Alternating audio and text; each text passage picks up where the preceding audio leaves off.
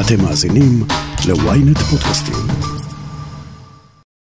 The collapse of Silicon Valley Bank is causing shockwaves across the entire business world. With the FDIC now in control, customers can access up to $250,000 on Monday. But as ABC's Jacqueline Lee explains, that's not enough for many companies left struggling to manage their finances. זה לא כל כך נעים לראות בנק נופל, ובוודאי לא תוך 48 שעות. נפילת בנק סיליקון ואלי הדהימה את ענף קרנות ההון סיכון וההייטק גם בישראל. המשבר כמעט מאחורינו, אבל האם מדובר באירוע שכדאי ללמוד ממנו לקחים על מה שיכול לקרות גם כאן? אני שרון קידון, וזאת הכותרת. אני חושב שמה שקרה עם SVB זה אחלה של צלצול השכמה, כי זה לא עכשיו, אה תראו זה קרה בארצות הברית, תשאירו את הכסף פה, להפך. זה מראה שלא צריך יותר מ-48 שעות כדי לאבד את כל הכסף שיש לך, אולי לא הייתי מדבר ככה לפני כמה חודשים, עכשיו אני משוכנע שזה יכול לקרות פה בישראל. אור לנצ'נר, מנכ"ל Bright Data, חברת הייטק ישראלית מצליחה, רואה את משבר הבנק SVB ובטוח שיש לנו הרבה מה ללמוד ממנו, לא רק בהקשר של השקעות, אלא בהקשר של הקלות הבלתי נסבלת של המהירות בה התמוטטות כלכלית יכולה לקרות גם כאן. עוד מעט נחזור לאור, אבל בואו נתחיל מהמשבר עצמו. סופי שולמן, פרשנית הייטק בכלכליסט. אפשר להגיד שביממה האחרונה לא מעט הייטקיסטים נשמו לרווחה? בהחלט, כמו שתמיד אה, בקפיטליזם, כשרוצים אה, שלא יתערבו לשוק החופשי, כשהכול טוב, כשהכול רע, מחכים לחילוץ, והחילוץ מגיע. בסופו של דבר, בלילה שבין ראשון לשני, הגיעה ההודעה שהבנק כן יחולץ, בשעות הבוקר של יום שני, החלק הבריטי של הבנק כבר נרכש גם על ידי בנק HSBC, שזה בנק גדול, וסביר להניח שעד תחילת המסחר בוול סטריט ביום שני, תגיע גם הודעה על אה, מכירת כל הבנק האמריקאי לבנק אה, גדול כלשהו אה, בינלאומי. ממה שאנחנו יודעים היום לנתח, האם זו העלאת הריבית בארצות הברית שהפילה את הבנק או סדרת טעויות ניהוליות? אז אה, זה גם הריבית, גם הטעויות הניהוליות, גם טעויות קשות בתקשורת וגם הייחודיות של הבנק עצמו. נתחיל בעצם מהבנק הזה, סיליקון וואלי. זה בנק שקם על טהרת ההייטק. הבנקים המסורתיים, הרגילים, הם לא כל כך מתעניינים בחברות סטארט-אפ, הם לא אוהבים אותם, הן קטנות, הן לא רווחיות, הרבה זמן אין להם בכלל גם הכנסות, הם לא יודעים איך להתמודד עם העניין הזה של אה, אין תזרים, והכל כזה מאוד אה, לא יציב ותנודתי, והבנק הזה בעצם אמר, בסדר, בואו אלינו, אנחנו נתפור לכם אה, חבילות ייחודיות שיאפשרו לכם להתקיים, וזה עבד מצוין. אפילו אפשר להגיד עבד טוב מדי, כי בתקופת הגאות של ההייטק ב-20, 21, אפילו ב-22, הבנק הזה קיבל כל הזמן פקדונות מהחברות, קיבל יותר מ-100 מיליארד דולר בשנתיים, שזה סכום אדיר, זה שילש את הנכסים שלו. עכשיו, הוא צריך לעשות עם זה משהו, נכון? כי הבנקים תמיד מחזיקים, אה, באמת הם צריכים הרי שהכסף יעבוד. ובניגוד לבנק רגיל, לחברות סטארט-אפ אין צורכי אשראי כל כך גבוהים, זה לא חברות נדל"ן שעכשיו מתמנפות, אלה חברות שכמעט ולא צריכות אשראי. אז הבנק שם את הכסף באגרות חוב, לכאורה אגרות חוב ממשלתיות של ארצות הברית, שזה נכס בטוח. אבל מה שקרה, כשהתחילה לעלות הריבית, אגרות החוב האלה צנחו, ובמקביל הלקוחות של הבנקים, אותם הסטארט-אפים גייסו פחות ופחות כסף, ולכן הם התחילו להוציא את הכסף שלהם מהפקדונות כדי לצרוך אותו. ואז מה שקרה זה בעצם תנועת מלקחיים שחנקה את הבנק. מצד אחד הוא מופסד בתיק שלו ויש לו פחות כסף כנגד הפקדונות, ומצד שני הלקוחות מבקשים למשוך את הכסף. ולכן הוא בעצם יצא ביום רביעי בלילה בהחלטה לגייס כסף חדש כדי לסגור את הבור. ולמעשה ההודעה הזו של הבנק על הצורך לגייס עוד כסף, זו ההודעה שמדרדרת את מצבו עוד יותר. ככל שהבנק וההנהלה שלו ניסתה להגיד, ונשלח מכתב למשקיעים, ואחר כך הייתה שיחה, וככל שההנהלה יותר אמרה, אנחנו פה בשבילכם, אל תדאגו, אין סיבה לפאניקה, אחר כך הוא אמר, המנכ"ל, אנחנו תמכנו בכם, עכשיו אתם תתמכו בנו. ככל שהוא אמר את זה, לא רק המשקיעים נכנסו ללחץ, כן, המניה נפלה ב-60% ביום חמישי, אלא האש הזאת התפשטה גם אל הלקוחות, כי הלקוחות מאוד מאוד מרוכזים גם באותה ברנז'ה קטנה בסך הכל של קרנות הון סיכון וחברות הפורטפוליו שלהן. כשאנחנו מסתכלים על השרשור של האירוע וההשפעה שלו על ההייטק הישראלי, שהוא כידוע קטר המשק, מקור עיקרי למטבע חוץ, דומיננטי בהכנסות ממיסים, איך הוא ישפיע? אז uh, עכשיו אנחנו כבר יודעים בעצם שכל החברות uh, יקבלו גישה למלוא הפקדונות שלהם, אז למעשה אין פה, אין פה יותר אירוע. מה גם שבאמת השיח ב ecosystem, מה שנקרא בהייטק, היה בסוף השבוע, שבעצם החברות הישראליות, היזמים, שהם כל כך, אה, לא יודעת אם לומר פרנואידים, זה נכון, יותר חרדתיים, פחות מאמינים במערכת, בניגוד אולי לאמריקאים, אז החברות הישראליות הצליחו למשוך מהר מאוד את רוב הכסף עוד לפני שבעצם הבנק אה, נסגר. אז אה, בכל מקרה כבר החשיפה בישראל הייתה יותר נמוכה.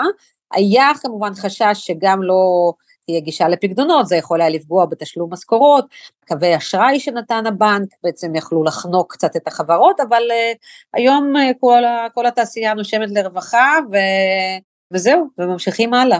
האם אירוע בנק SVB לימד אותנו שכדאי להשאיר את ההשקעות בישראל על אף החשש ממהפכה משפטית, או בדיוק להפך? הודעה קצרה, מיד נמשיך עם הכותרת. ynet פלוס החדש עם הסיפורים הכי מעניינים ומיטב הכותבים. חודש ראשון בחמישה שקלים ותשעים בלבד. למצטרפים חדשים כפוף לתנאי השימוש.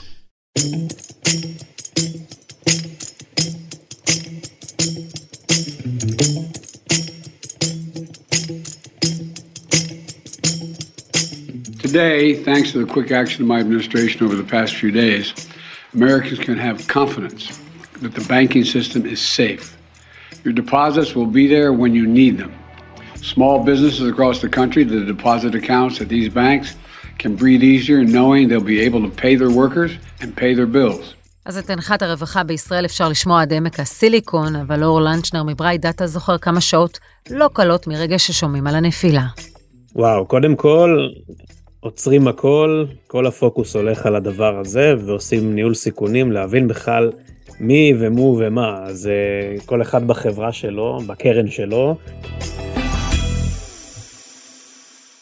אני בהמון קבוצות uh, וואטסאפ של יזמים ומנכ"לים ישראלים, אז כל השיח ישר משתנה על זה. אגב, המון המון סולידריות ועזרה בקבוצות האלה.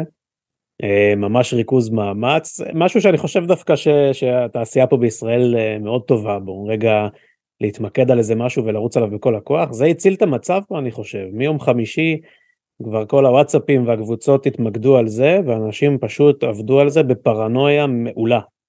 אני חושב שזה מנע נזק גדול, בדיעבד אולי אה, זה לא באמת משנה כי הפד אה, האמריקאי כבר הכריז על אה, תוכנית חילוץ כמעט מלאה.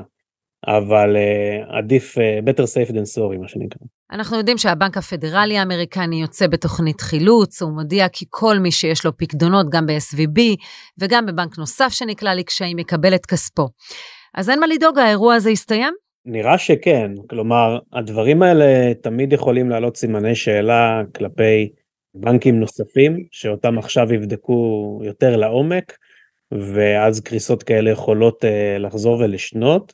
ראינו שזה דבר שקורה ב-24 שעות, ב-36 שעות, משהו כזה, לא יותר, אז זה יכול לקרות מיידית בעוד בנקים, אה, כי היו שם בעיות. עכשיו כולם מודעים לבעיות האלה, וכבר יש כל מיני ניתוחים של בנקים נוספים שלקחו את אותן החלטות אה, לא נכונות, וזה יכול לקרות שוב, אבל עכשיו כולם גם עובדים על, אה, כל התעשייה עובדת על לוודא שיש לך עוד, עוד אה, בנקים בכל מיני מדינות בעולם, אה, במקומות יציבים, שאליהם אפשר להעביר את הכסף אה, בעת הצורך.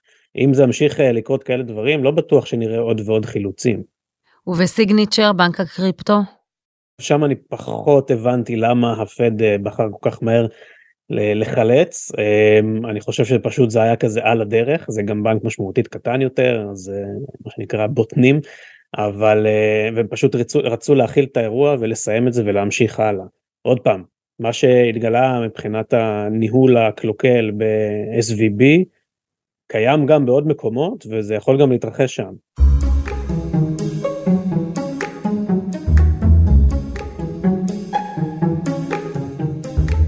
ומעמק הסיליקון לישראל. בעודו ברומא מפרסם ראש הממשלה נתניהו הודעה על פיה הוא עוקב מקרוב אחר נפילת בנק ההשקעות האמריקני, ובשובו לארץ הוא מתחייב לקיים דיון עם שרי האוצר והכלכלה ונגיד בנק ישראל על עומק המשבר, לבסוף הוא מבטיח לנקוט בצעדים שיסייעו לחברות ישראליות.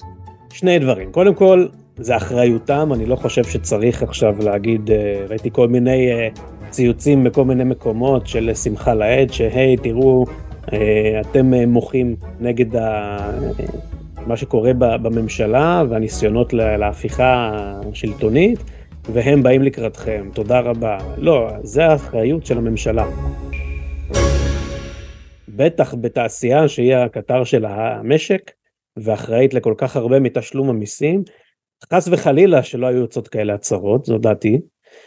אה, בנוסף, מהצד השני אני חושב שזה היה בעיקר אה, הצהרות, זאת אומרת, לא היה כרגע צורך, זה בסדר לכתוב את זה, גם היה תמיד עקיצה שם בסוף של אה, רק לחברות שמרכז הפיתוח שלהן פה, ומה עכשיו אני צריך להחליט מה זה מרכז פיתוח, מה מעל עשרה אחוז מתכנתים יש לי פה, מעל חמישים אחוז, למה למה לציין את זה בכלל עכשיו, גם מין עקיצה כזאת, או עוד איזה ציוצים של ראש הממשלה, שמי שמוציא את הכסף מישראל לא מחזק את הכלכלה הישראלית, כל מיני דברים כאלה שהם, אה, אם אתה רוצה לעזור, תעזור, לא צריך עכשיו את כל העקיצות האלה. בסופו של דבר אני גם לא חושב שצריך את העזרה במקרה הספציפי הזה. אנחנו נמשיך להוביל את הכלכלה הישראלית באחריות, ודווקא על רקע חוסר הוודאות בשווקים בעולם, מדינת ישראל, ואני אומר את זה באחריות, תהיה אי של יציבות, של ודאות, של אחריות, וזה יהיה המקום הנכון ביותר לשים בו את הכסף בתוך המים הסוערים שהכלכלה העולמית עכשיו מצויה ביניהם. אתה יודע, יש מי שאומר שהאירוע הזה זו הוכחה למה כדאי להשאיר את הכסף בישראל. זה, זה פשוט חוסר הבנה משווע של אנשים לגבי מה זה אומר בכלל. להשאיר את הכסף בישראל כי, כי אנחנו רגילים ש-75 שנה אנחנו מנצחים במלחמות, זה לא, זה לא, ככה לא מנהלים כלכלה. אה, הבנק אה, אחד קרס בארצות הברית, זה לא נעים, זה לא טוב, זה יכול לקרות לעוד בנקים, כן, אבל יש שם 7,000 בנקים, ולא לדבר על עוד מדינות, שבישראל יש מעט בנקים מאוד מאוד ריכוזיים. הסכנה היא פה. Uh, עכשיו, ברגע שה... אפילו לא, לא צריך שהמהפכה השלטונית הזאת תעבור, כן, ברגע שיש אמונה שהיא הולכת לעבור בצורה האגרסיבית הזאת, שיכולה לתת כוח בלתי מוגבל לשליט, לא משנה מי הוא היום מי, מי יהיה בעתיד. הדבר הנכון מבחינה כלכלית לחברות שמנהלות את הסיכונים שלהם, זה להיות במקום שבו הן יודעות שאף אחד לא ייגע להם בכסף. כי כמו שהאזרחים לא ירצו שמישהו ייקח להם את הכסף, וראינו את זה קורה במדינות אחרות שעברו תהליכים דומים, גם החברות לא רוצות שזה מה שיקרה, ולחברה להעביר כסף מחשבון לחשבון, ממדינה למדינה, זה ממש עניין של כמה דקות ופקודה אחת. ולכן להוציא את הכסף למקום שבו את מרגישה שיש יציבות, ואף אחד לא יתעורר עם איזה גחמה יום אחד ויקח לך, או ייגע בו, או יגביל אותך באיזושהי צורה, זה הדבר הנכון לעשות. אני חושב ש-SVB רק מדגיש את העניין הזה. אור לנצ'נר, תודה רבה על השיחה. תודה.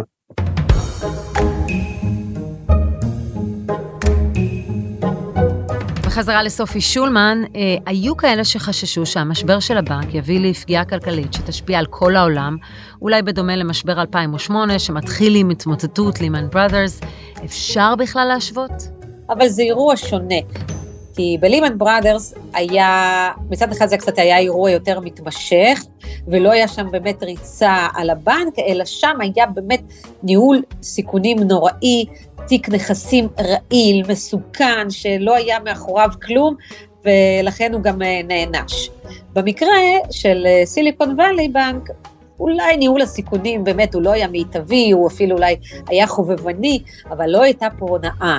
ובסופו של דבר, גם uh, כנגד רוב הפקדונות עדיין יש להם uh, נכסים ויש להם את הכסף uh, גם ללא החילוץ, כלומר החילוץ שם הוא לא יהיה בסכום מאוד גדול.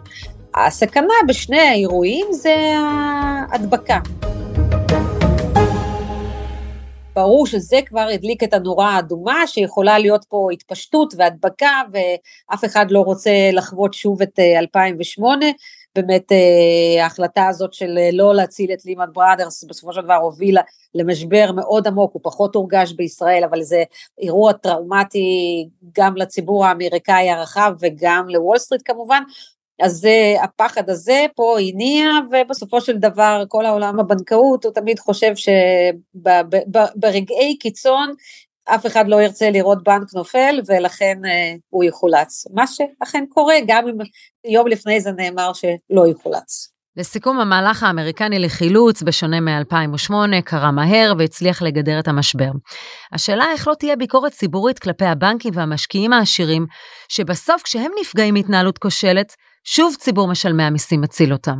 בהודעה על חילוץ של SVB וגם של סיגנצ'ר מאוד מאוד מדגישים וטורחים לציין שוב ושוב שזה לא יהיה על חשבון משלם המיסים, בעצם כי הפקת לקחים מ-2008 הוקמה מעין קרן שכל הבנקים מעבירים אליה כסף על בסיס אה, קבוע, ולפי מה שאומרים בארצות הברית יש שם כבר 100 מיליארד דולר, וממנה בעצם יגיע החזר הפקדונות ללקוחות של שני הבנקים שנסגרו, וכאן זה באמת מעניין יהיה לראות איך זה יעבוד, והאם באמת אה, זה יתקבל אה, בצורה יותר רועדת בדעת הקהל האמריקאית, שמאוד מאוד היו מאוד כעסים גדולים וככה משקעים מאז 2008 על הממשל שחילץ את הבנקים על חשבון האזרח הקטן. סופי שולמן, תודה רבה. תודה רבה.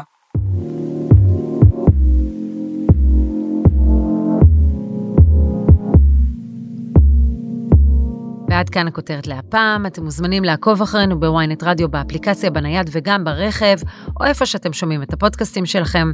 אם זה קורה באפל או בספוטיפיי, אתם מוזמנים גם לדרג אותנו. אני מזמינה אתכם להאזין לפרק נוסף שלנו, חפשו דאגת ההייטק. עורך הפודקאסטים רון טוביה, איתי בצוות הכותרת ישי שנרב, תחקיר הפקה ועריכה אלי שמעוני וגיא סלם.